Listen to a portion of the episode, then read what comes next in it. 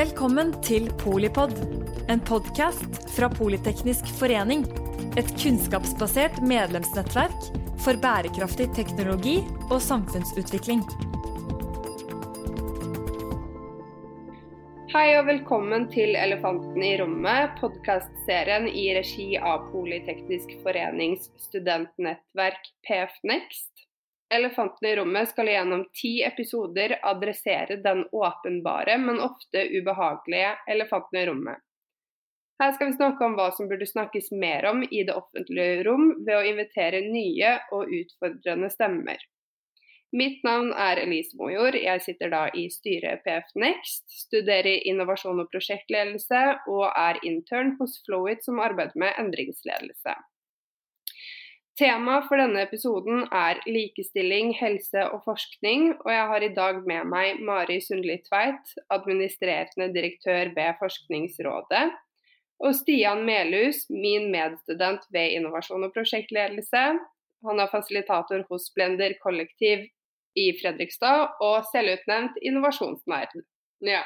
Eh, jeg tenker jo Det første spørsmålet jeg sitter med, er jo litt hvilke tanker har dere rundt likestilling, og hva, hva det betyr for dere? Ja, eh, jeg kan godt, eh, jeg kan godt uh, begynne, jeg. Ja, eh, likestilling. Det handler jo om, handler om like muligheter. Eh, og det handler om eh, både Altså det handler om like muligheter til, eh, ja, til yrkesvalg og den type muligheter, men det handler jo også om like muligheter til å være den man er, og, og være opptatt av det man er opptatt av.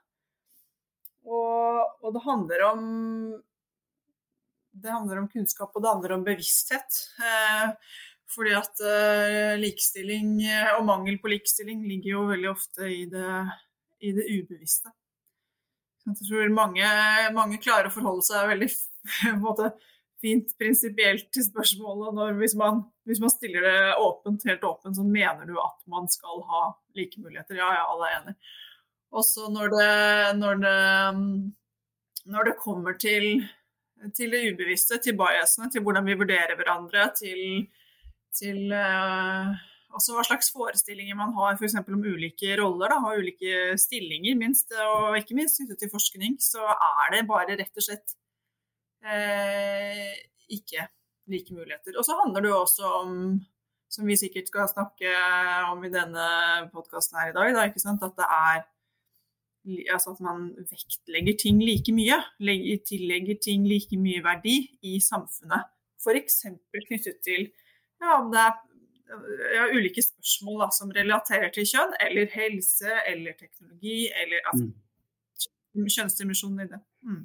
Stian, har du noen umiddelbare tanker? Jeg syns jo det Mari drar fra meg er um, treffer veldig, veldig godt. Og like muligheter til å følge egne drømmer og ambisjoner tror jeg det er uh, er et godt utgangspunkt. Og så er det dette her med hva er det som faktisk ligger i ryggmargen vår? Hvordan reagerer vi når vi står i situasjoner eh, hvor uh, vi blir nødt til å ta disse valgene, da. Eller når vi blir møtt med ting som faktisk drar fram biasene våre. Um, og jeg vet jo selv hvor flink jeg er til å skrike om at det skal være like muligheter her og like muligheter der. og sånn, og når jeg da ender opp i en eller annen situasjon der man f.eks. skal tillegge oppgaver til andre mennesker, så er det lett å la kjønnet styre. Mm. Jeg kan mm. merke det selv innimellom at altså Selvfølgelig ønsker jeg å, å, være enig i likestilling, men samfunnet har lært meg en atferd hvor man tar avgjørelser på hva samfunnet vil, eller hvordan du er oppdratt. Da. Så jeg merker jo selv at noen ganger så motstrider mine handlinger og hva jeg sier, egentlig hva jeg ønsker, da. Så det, det, er vanskelig å på en måte ta seg selv i det og skulle kjempe den kampen når det er såpass indoktrinert i deg, da.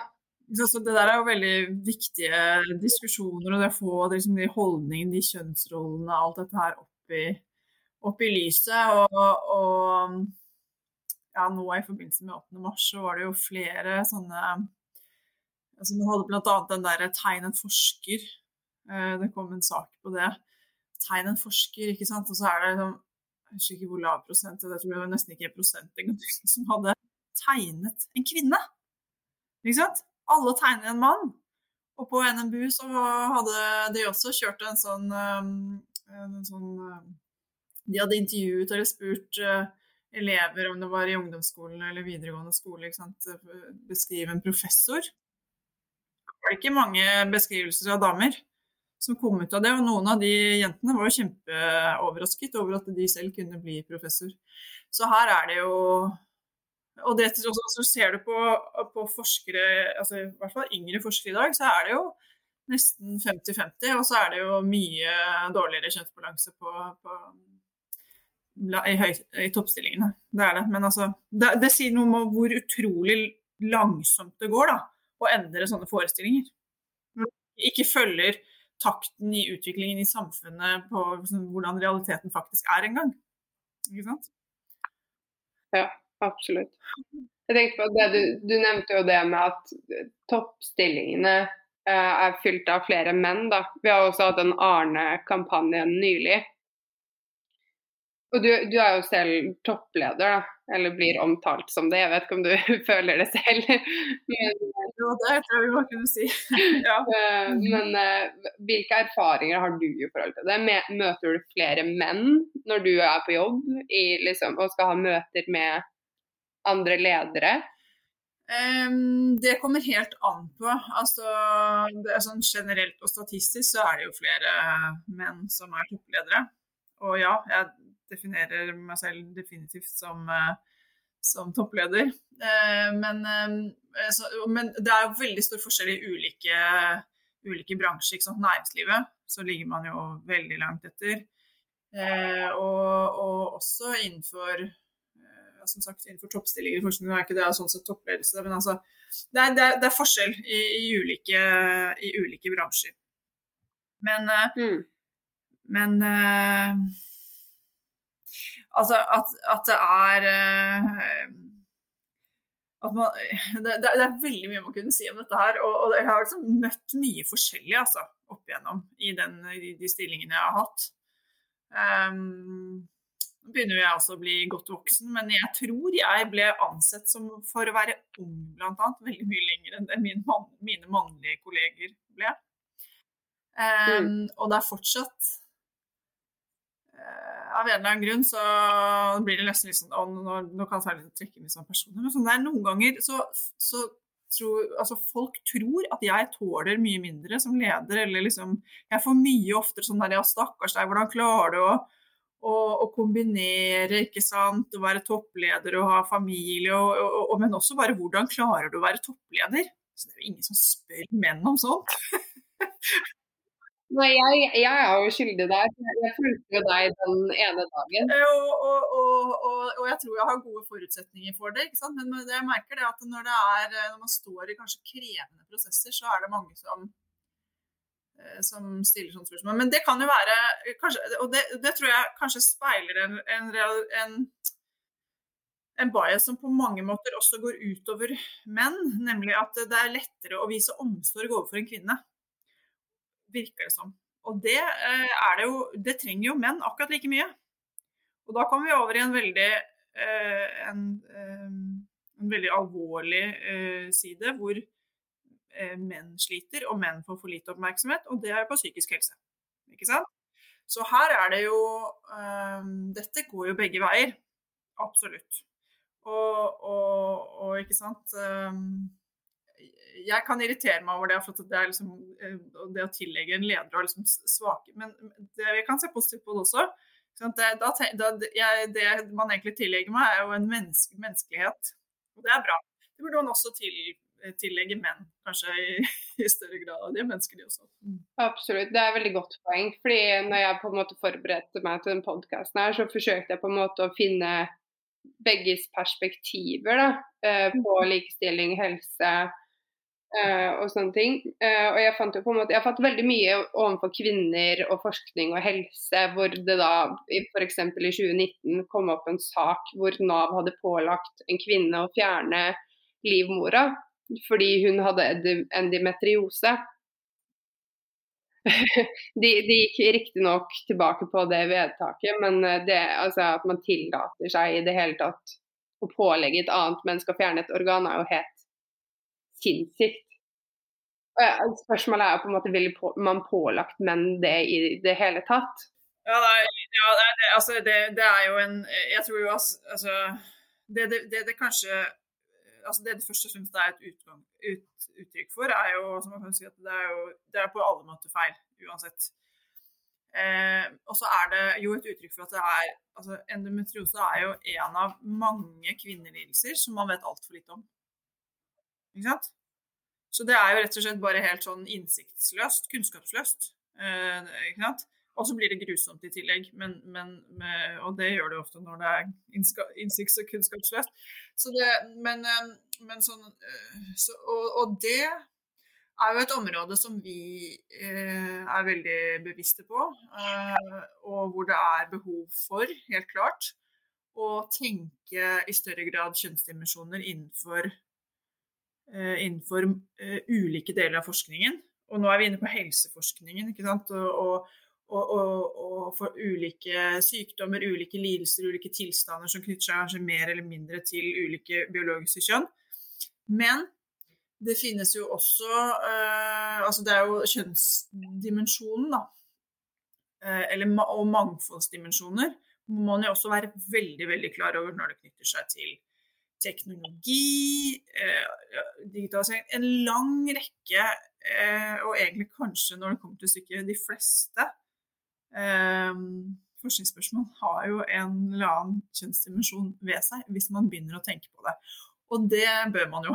Og det har man nok i for liten grad, i hvert fall tidligere, hatt. Men dette her, det er jo i ferd med å styrke seg i bevisstheten. I Forskningsrådet så krever vi jo nå sånne eh, gender equality plans fra alle institusjoner som forskerne skal søke, så må institusjonen deres ha en sånn plan, tilsvarende sånn som det er i EU. Eh, og, og, dette her, og vi, og vi, hjelper institusjonen gjennom balanseprogrammer eh, osv. Og, så og passer jo, prøver også å passe på så godt vi kan at dette her er dimensjoner som tas inn i utlysninger osv. Men, men jeg tror jo at vi er jo ikke i mål på det. Det er jo det er, det er en bevissthet og en praksis som, som må ordentlig på plass. Mm. Kan jeg følge opp med et spørsmål der, Mari? Uh, når du snakker om disse planene og hvordan de er bygd opp fordi uh, Med den bakgrunnen jeg har, da, så er det snakk om rett person i rett stilling. Uh, hvordan blir disse planene bygd opp? Blir det fram slik som vi nevnte tidligere, at det skal være, alle skal ha lik mulighet? Eller er det sånn at her skal det være 50% der og 50% der? Ja, nei, altså dette her er jo, Det er jo planer for, uh, for kjønnsbalanse, ikke sant? og det er jo en del av kjønnsbalanse mangfoldarbeidet uh, vårt. Så det handler jo om, mer om det på en måte institusjonelle uh, perspektivet og planene for å oppnå kjønnsbalanse. Og ja, det, det å det å oppnå altså ha en, ha en riktig balanse sånn prosentvis mellom, i ulike stillingskategorier er jo en del av det. Men det handler jo også om hvordan man behandler den enkelte. Eh, hva som er greit og ikke greit, hva, hva som kan vurderes. Og hvordan man jobber med å eh, gi like muligheter til enkeltpersoner gjennomgående hele tiden. Ikke sant? Og det jo, kan jo også handle om tilrettelegging i ulike deler av et eh, um, i ulike deler av et uh, karriereløp, f.eks. Uh, og, det, uh, og det er veldig viktig å gjøre det for kvinner. Men det er jo også veldig viktig å gi menn da, de samme mulighetene til å ta det ansvaret i de samme livsfasene. Så det går jo liksom begge, begge veier. Så det er liksom inne på pappapermisjon-delen av permisjonen er kjempeviktig for at man skal kunne ha få som kvinner.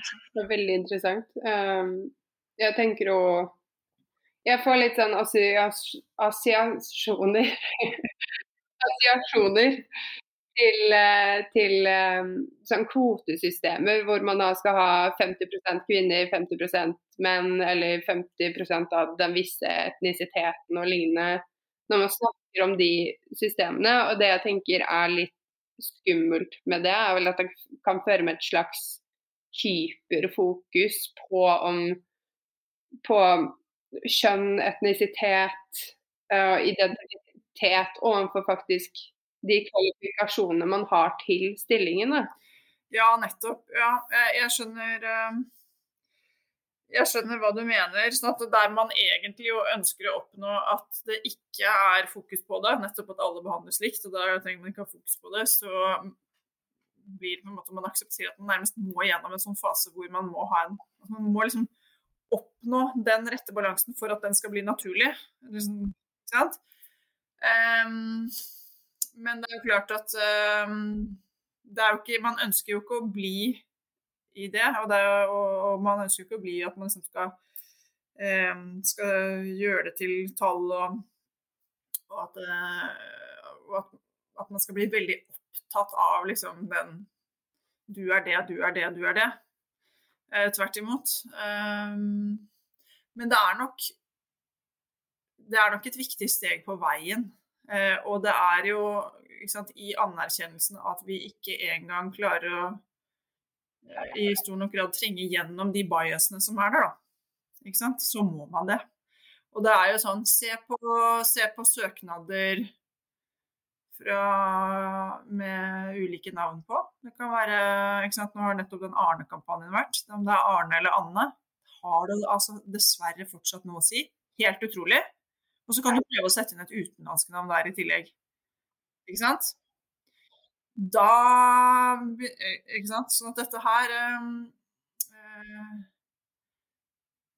det, handler, det, det, er noe med å gå inn i, i, det som ikke er på overflaten. Inn i biasene. Inn i, inn i den, den, underbevisste forståelsen av det, og få det fram i lyset. Det var jo en del av det den Arne-kampanjen også prøvde på. da. Men det er, det er helt reelt, vet du. Beklagelig nok. Og det er ikke nødvendigvis sånn at alle Annaene velger Anna, eller Nei, nei. De fleste Altså, det er jo det. Uansett eh, så er det Arne. Foran uansett om det er kvinner eller menn i, i komiteen. Mm. Ja, jeg tenker jo altså, de, Den der sentralbanksjefen med NRK, jeg vet ikke om dere kjenner til til det, men hvor NRK kutta en stor del av CV-en til hun eh, Ida Woldenbakke. Ja. Uh, det, det, irriterte meg. Så, altså, man kan jo på en måte diskutere om det var med vilje, eller om de hadde en intensjon bak det, men hadde vært Det er jo det som er så interessant, da. ikke sant? Det liksom, det, og det blir jo ikke noe bedre om det ikke var med vilje. Det sier jo bare noe om liksom, hvor internalisert det er, da. Eh, og, men nå gikk det jo ikke upåaktet hen. Altså, sånn sett kanskje det var en cunning plan for å få opp diskusjonen rundt det. For det oppnådde de i hvert fall til de grader. For det, det var jo det var ikke bare deg som eh, satte kaffen skikkelig i halsen der.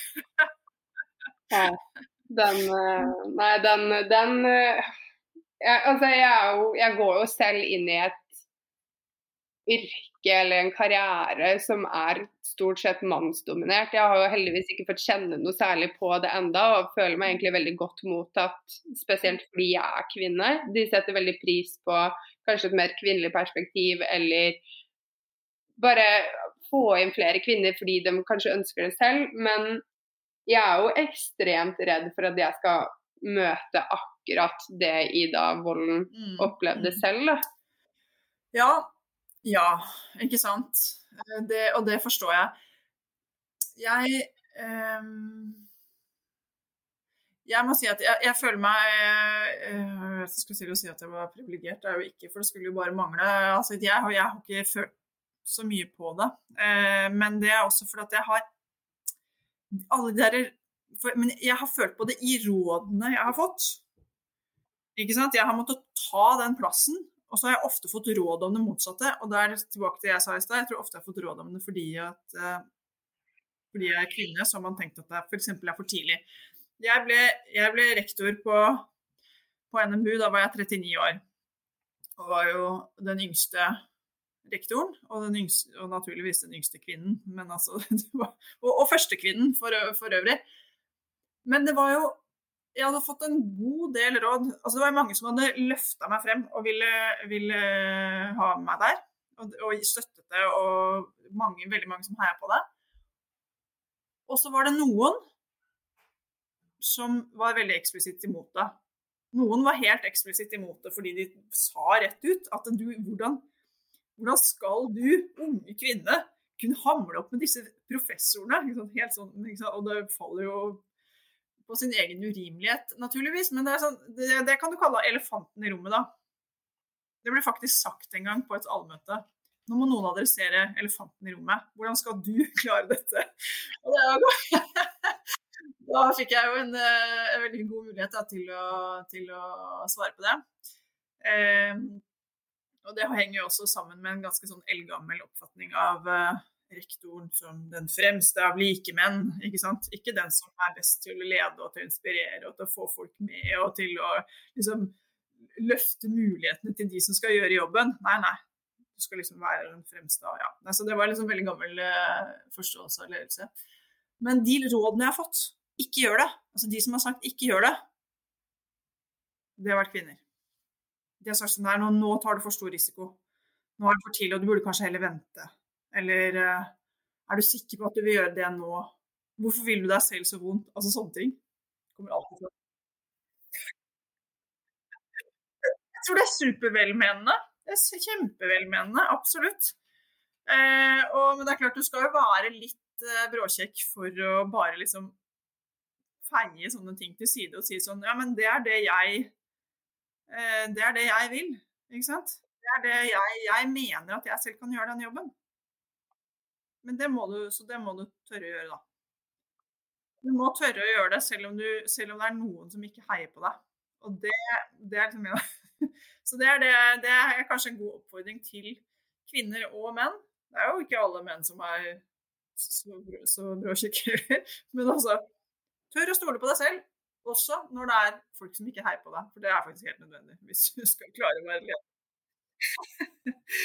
så, men det er akkurat det jeg har tenkt litt på. At det er faktisk um, Og også alle disse spørsmålene som man får som leder, ikke sant. Særlig uh, Ja, særlig der helt, på, helt i begynnelsen, da når jeg hadde topplederjobb uh, og hadde ganske små barn så, så, fikk jeg jo masse spørsmål om hvordan det kunne la seg kombinere, og det var jo helt liksom Det ble jo fremstilt som noe som var nesten helt ubegripelig, liksom.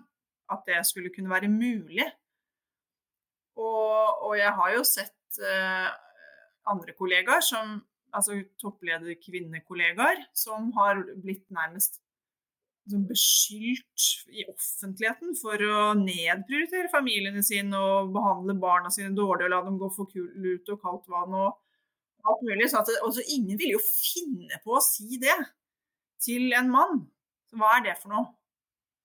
Ikke sant? Og ofte er det jo også kvinner som spør. Ja.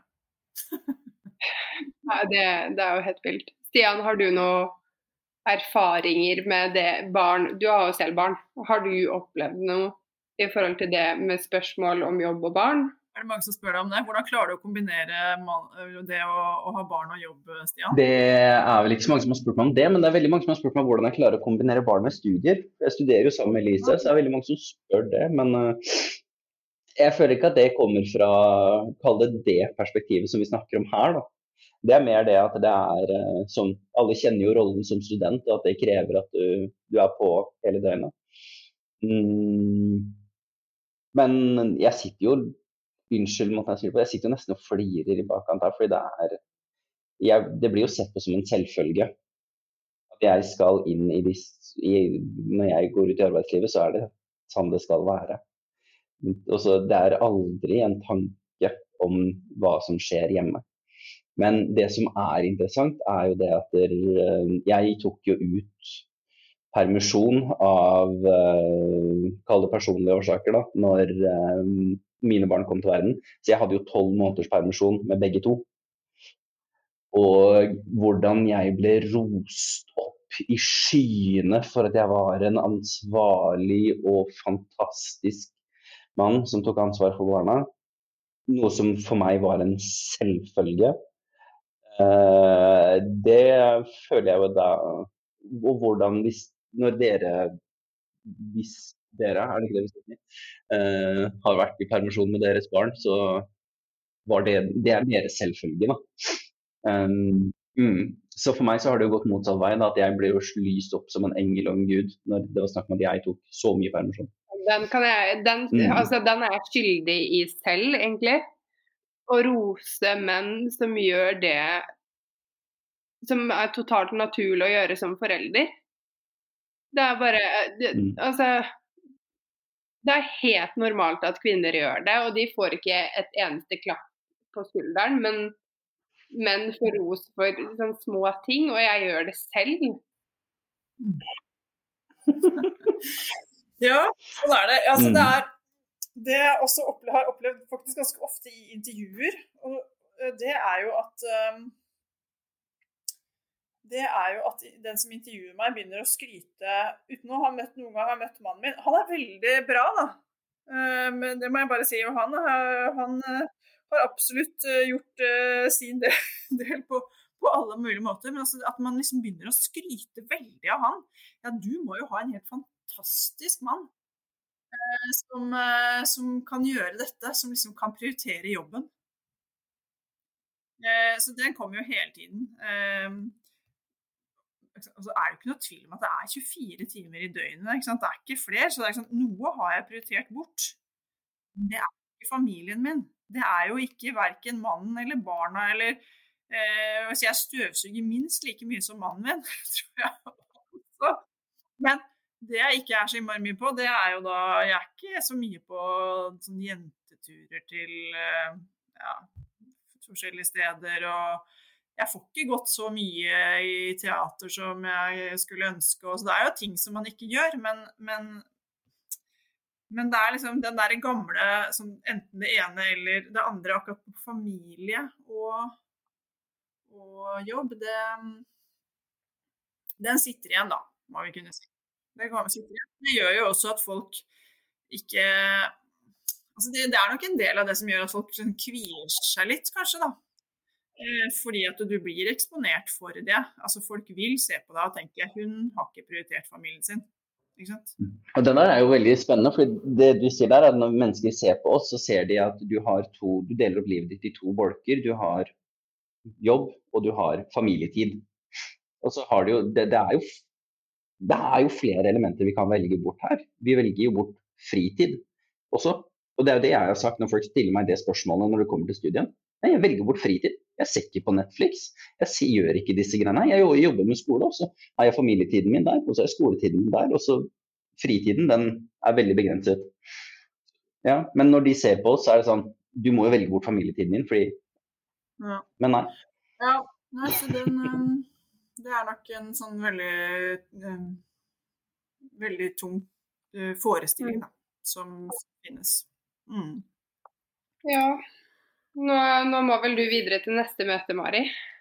Ja, nettopp. Så, så nå har vi snakket oss helt uh, Jeg håper ikke du har snakket meg helt bort, da.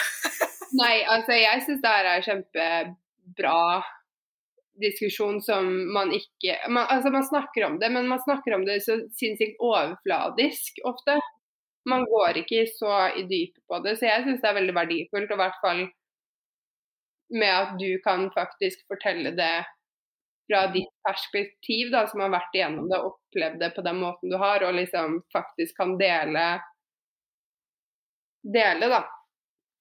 Jeg syns det er i hvert fall veldig verdifullt, i hvert fall når jeg ønsker å gå samme retning, og det er det helt sikkert mange andre kvinner som ønsker, og det er sikkert mange kvinner som stille spørsmål til om de skal ta en viss stilling, eller tørre å gå inn i forskningsmiljøer, eller bli professor, rektor. Og Da er det fint å få det perspektivet som man faktisk hører, da, og ikke minst den oppfordringen om at du må bare høre på deg selv. Det er jo så verdifullt. Ja, ikke sant. Man må, bare, man må bare kjøre på, og det er utrolig givende å Ja, f.eks. det å være leder, da det er utrolig givende. Jeg tror at uh, man trenger mange flere perspektiver i ledelse. Da kan ikke alle være Arne 58. Nei.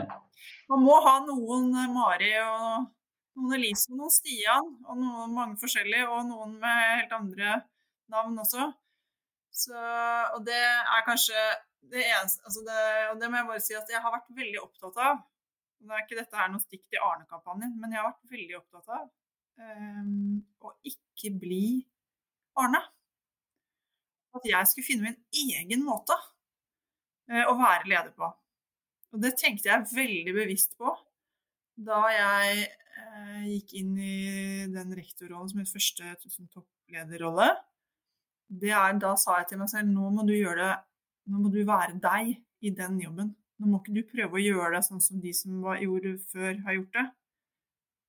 Du må finne din måte. Og det har jeg vært tro mot.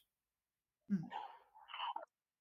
Det er i hvert fall min opplevelse av den dagen jeg fikk ja, følge deg. Ja, det var kjempehyggelig. Eh, da kjører jeg avslutningen, og så tar vi kvelden, holdt jeg på å si. Ja, det var litt tidlig. Jeg har et par møter. Takk for at du lytter til Polipod. Mitt navn er Elise Mojord. Jeg er styremedlem i Politeknisk forenings studentnettverk, PF Next. Tusen takk til Mari og Stian for en super samtale, og jeg håper vi kan gjøre det igjen om kanskje ti år og se hvordan situasjonen er da. Takk for at du lyttet til Polipod fra Politeknisk forening. Få med deg flere episoder, eller bli med på nettverksmøtene som du finner på at polyteknisk.